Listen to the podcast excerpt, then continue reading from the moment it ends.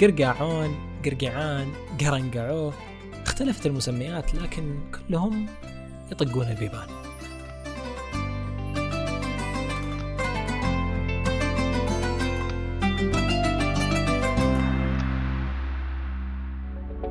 هذا البودكاست من إنتاج محتويس.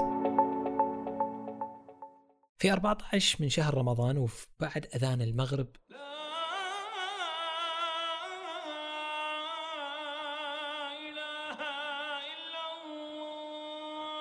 يجتمعون الأطفال ويدورون على بيوت الحارة.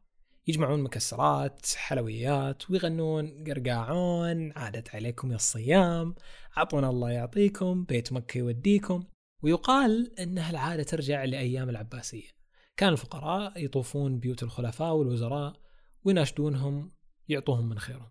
ويقال أيضا في رواية ثانية تقول أن أصل القرقيعان عادة للأطفال يتزينون فيها العيال يلبسون القحفية اللي نسميها طاقية اليوم وثوب أبيض. أما البنات فكانوا يتزينون بالثياب والبخانق. بخانق طبعا جمع بخنق هذه حقتنا عندنا في الشرقية. يطقون أبواب البيوت. ويطلبون القرقاعون أو القرقعان حلويات مكسرات مكافآت للأطفال على صيامهم لنصف شهر رمضان. سموه قرقعان من قرع. وطق الأبواب. وفي منهم يقول إن قرقعان تعني الشيء المخلوط أو متعدد الأصناف. وآخر رواية تقول إن كلمة قرقعان هي اسم لسلة الخوص اللي يعبونها حلويات وتتوزع على الأطفال. اذا القرقعان للأطفال. وش قصة الغبقة؟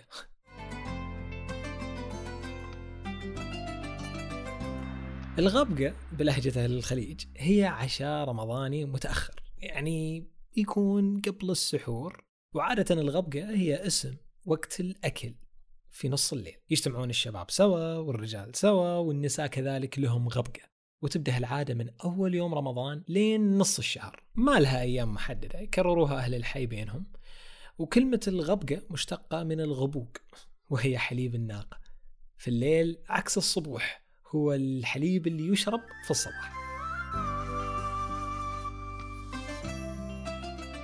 كانت هذه قصتنا اليوم عن القرقعان والغبقة. شاركونا في تويتر على حساب آت محتوايز صور قرقعانكم وعيالكم وقحفياتهم وثيابهم وزينتهم وغبقتكم بعد لا تنسونها. رمضان كريم عليكم وأنا حسين كونوا بخير.